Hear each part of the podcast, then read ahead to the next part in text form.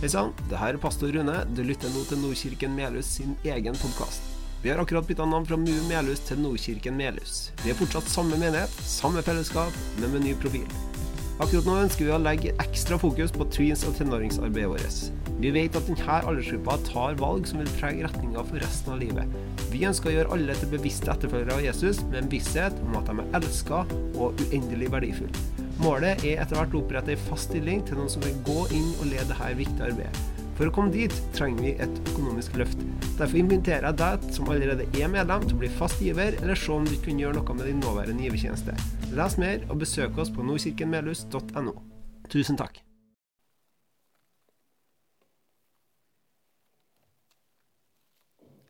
Hei. Jeg heter Seni. Eh, Seni Temesken Debessa Birro. Langt navn. Eh, jeg kommer fra Etiopia. Eh, og jeg er 23 år. Jeg går i eh, Betel bibelskole. Jeg er andre års elev. Og jeg er frelst. Amen. ja. Som dere vet, alt handler om Jesus. Jeg er så forelska i Jesus, og han, er, han elsker meg. Og jeg er overbevist på det. Jeg så på ungene som var til stede i dag, og det minte meg litt om meg selv. Jeg vokste i en kristen familie. Uh, ja, man kan si at jeg fikk kristendommen gjennom morsmelka. da. Eh, og det jo virkelig noe i mitt liv, da. Og det er virkelig fantastisk når familie bringer sine barn til Guds hus. Det gjør virkelig noe i deres hjerte. De blir mennesker som tar evangeliet videre til andre nasjoner. Halleluja. Amen. Så eh, skulle snakke om misjonen i dag. Eh, og for et år siden så var jeg på Thailand i et misjonsarbeid som kalles for Blitz Thailand. Og visjonbæreren er eh, Dag. Og dere kjenner, her, dere kjenner han, håper jeg. Ja. Så jeg var med han. Eh, jeg hadde egentlig ikke planer om å dra dit, men han er så flink med sine ord og overbevisningskraft at uh, jeg eh, ombestemte meg, og han hjalp meg. Og det, det gjorde virkelig noe i mitt hjerte, da. Uh, og jeg ser han som mentor og lærer uh, og en veileder da, i den kristne tro. Uh, den funker ikke, eller? Det går bra. Går helt fint. Jeg bare hadde noen bilder jeg ville vise dere fra i fjor. Kanskje bytte? Ja, det går bra. Så i Thailand Ja, det var et uh, misjonsfelt. Og dere kanskje har hørt om hvordan Dag fikk uh, visjon. Han var i et fly, og Gud viste han det hjertet han hadde for Thailand. Og etter tid og arbeid, bønn, så ble det til, og jeg fikk muligheten til å dra dit. Og den misjonen handlet rett og slett om evangeliet, og det var Jesus som fokuset var. Var ingenting annet. Og det var folk fra forskjellige steder som samlet seg sammen, som gjorde det Jesus befalte oss å gjøre, nemlig å dele evangeliet til alle folkeslag. Vi som har fått muligheten, vi som er i den kristne tro, i freden av Guds nærvær, liv, og vi som er håpet om det evige livet, vi skylder andre å fortelle om evangeliet til Jesus. Når jeg var der, det er virkelig så kjipt å se så mange folk som søker etter et liv, en mening. De arbeider, de jobber, de tror på forskjellige avguder. De vet ikke hvor de skal finne denne livets vann. og i jakt de lever. Og da var det noen misjonærer, bl.a. jeg og noen andre, som var der og fortalte dem evangeliet. Og mange tok imot evangeliet med glede. Som vi leste i som vi har lest i apostelenes gjerninger og andre steder også. De byene der evangeliet ble proklamert, var byer som tok imot det med glede. Og vi fikk se med våre øyne mennesker som ble møtt av Guds kjærlighet og kraft og ble forvandlet der og der. Blant annet jeg eh, var på en fengsel.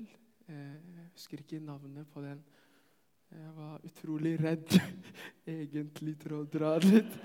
Uh, men med, håp og tro på at Gud er med oss, fordi visste det var Gud som åpnet den muligheten. Og de åpnet dørene for oss. Vi gikk inn, hadde Bibelen vår, satt der. Og foran oss så sitter det ca. 104 fangere. Det var noen kvinner som sto foran der. Og det sang musikk, og det var en oversetter. Og bak oss var det en alter av en buddha som gul, ca. fire meter høy og to meter bred, liksom. Og hadde røykelse og hele pakka. Og vi står der, jeg, lille meg og noen andre som står og proklamerer. Den dagen så var det 100 stykker som tok imot Jesus. Halleluja. Og virkelig se hva Gud kan gjøre. Ja, det går an.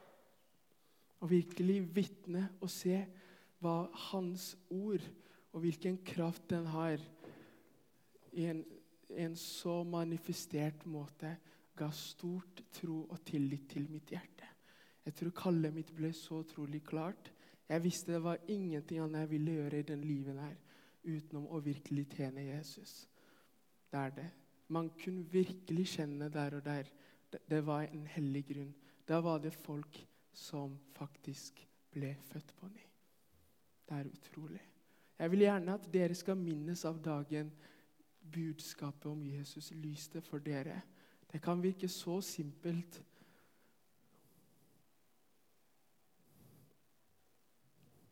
Halleluja.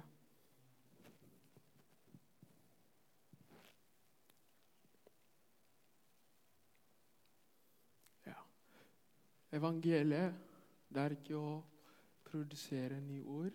Det er ikke å komme med noe nytt enn det Jesus fortalte.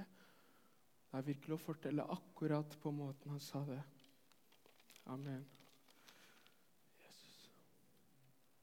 Jeg vil ikke grine. Amen.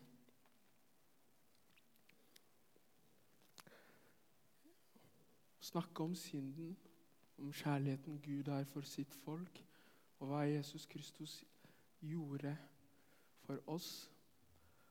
Og den oppstande kraften må alle få vite, slik som Jesus fortalte. Det tror jeg på. Det er ikke det å komme med en ny agenda og nye måter å proklamere på.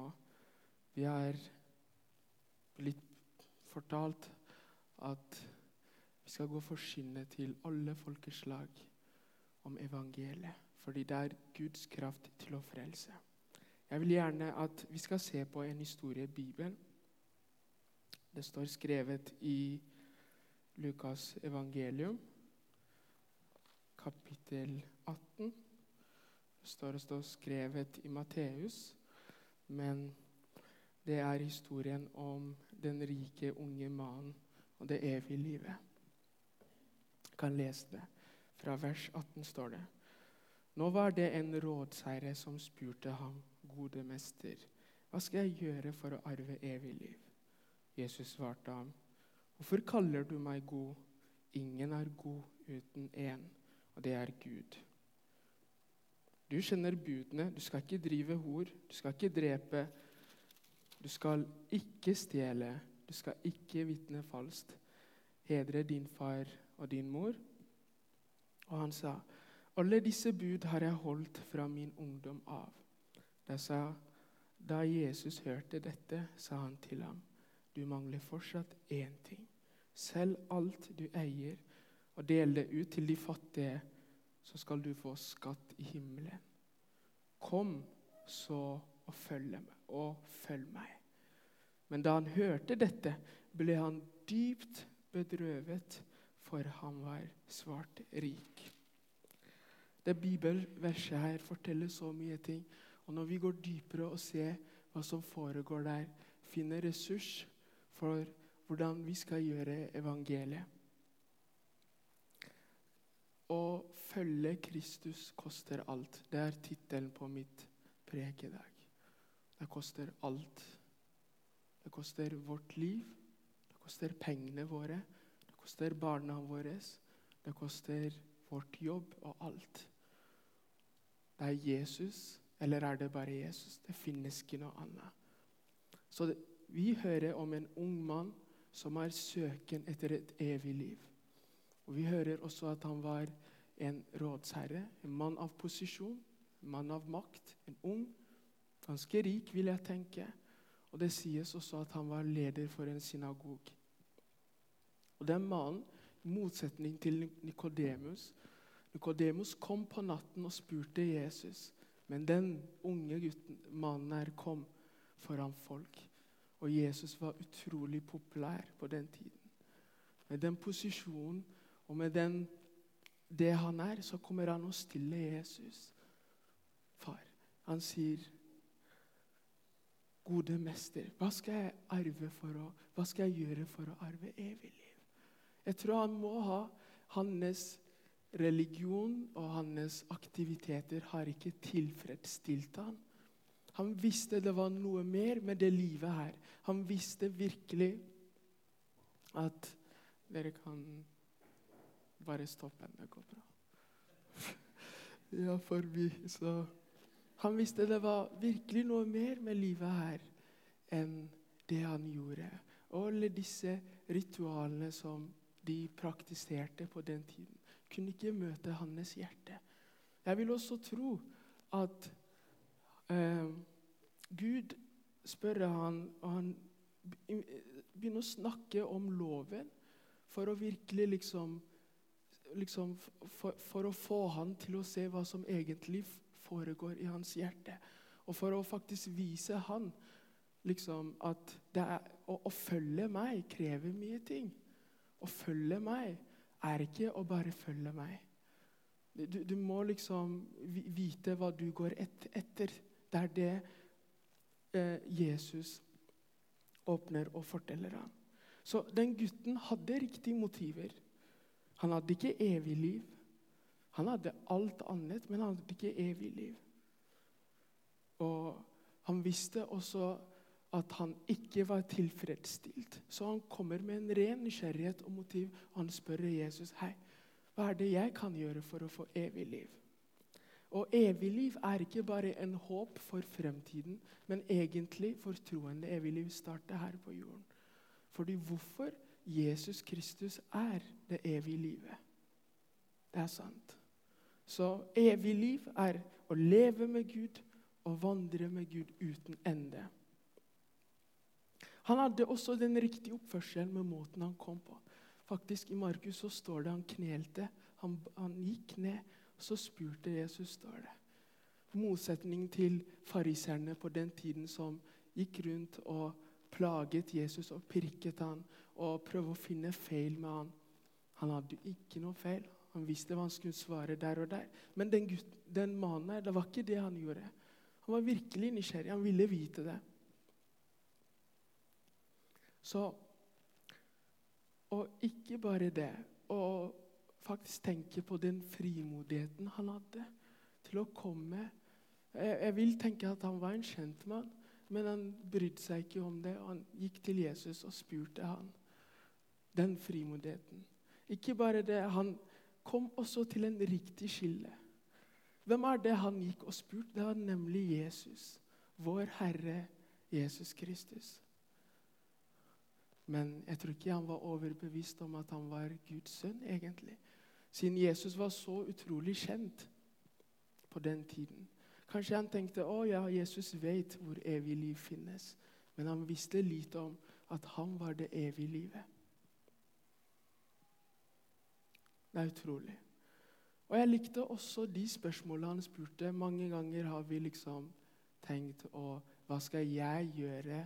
Det har vi sagt som om ja, det kan promotere en sånn arbeid, men når vi leser i Johannes 6, 28, så står det 6, 28 Johannes 6, 28, så står det De sa til ham, 'Hva skal vi gjøre for å gjøre Guds gjerninger?' Jesus svarte dem, 'Dette er Guds gjerning. Tro på ham. Tro på Gud. Tro på ham Gud har sendt.' Med andre ord, tro på meg. Hvordan er det man får evig liv? Nemlig det å, å tro på Jesus Kristus. Men Jesus sier utfordrende spørsmål til ham. Og han sier Og han sier hva med lovene, har du fulgt disse? Og gutten sier ja, ja, ja jeg har gjort Jeg har fulgt disse helt siden jeg var ungdom av. Og når Jesus hørte det, sa han til ham, du mangler fortsatt én ting. Selv alt du eier, og dele til de fattige, så skal du få skatt i himmelen. Det koster absolutt alt å følge Jesus Kristus. Det evige livet vi har Vi kunne ha fått det gratis, men det var virkelig ikke gratis. Det var en pris for det. Det var Jesu Han lidet, han ble pisket, han ble hatet for at vi skal ha evig liv. Og vi må fortelle evangeliet til alle folkeslag. Vi tenker kanskje misjonsarbeid er bare i utlandet. Nei. Her vi bor i et misjonsfelt.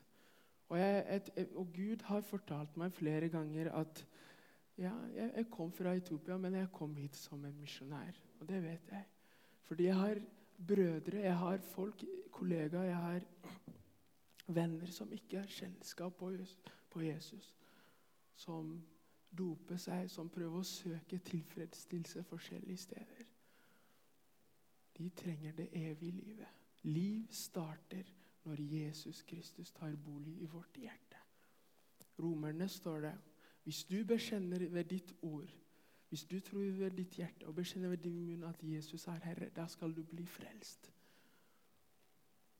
Frelse er en pakke av å ta imot Jesus som Herre og ta imot Han som frelser. Vi kan ikke ha det uten det.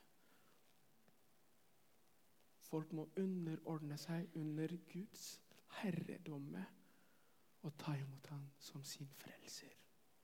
Det produserer frukten av Den hellige ånd. Så Vi går ikke ut og forteller folk at Jesus kan bare gjøre deg bedre, tro på han. Det er det. Nei. Vi må legge litt press på hva er det vi forteller folk. At det koster å følge Jesus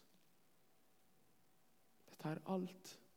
Vi har hørt om i Hebreerne 11 om de trosheltene som vandret med Gud. Den prisen de betalte. Det er levende. Og fortsatt i forskjellige steder i utlandet, andre steder, folk er forfølt pga. troen deres.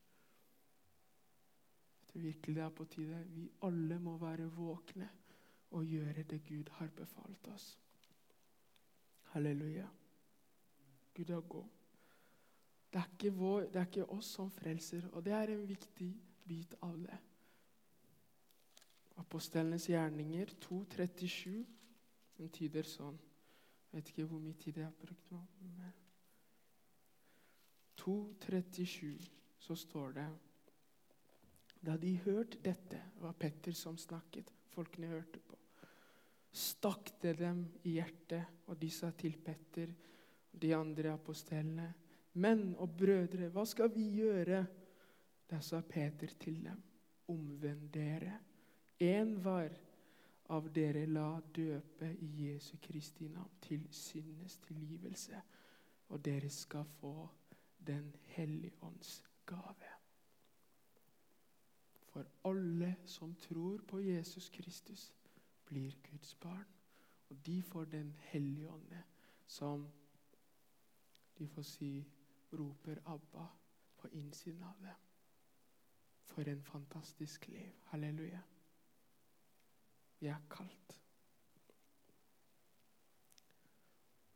Gud er Herre.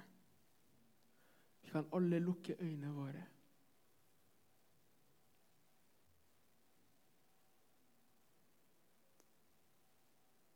Og så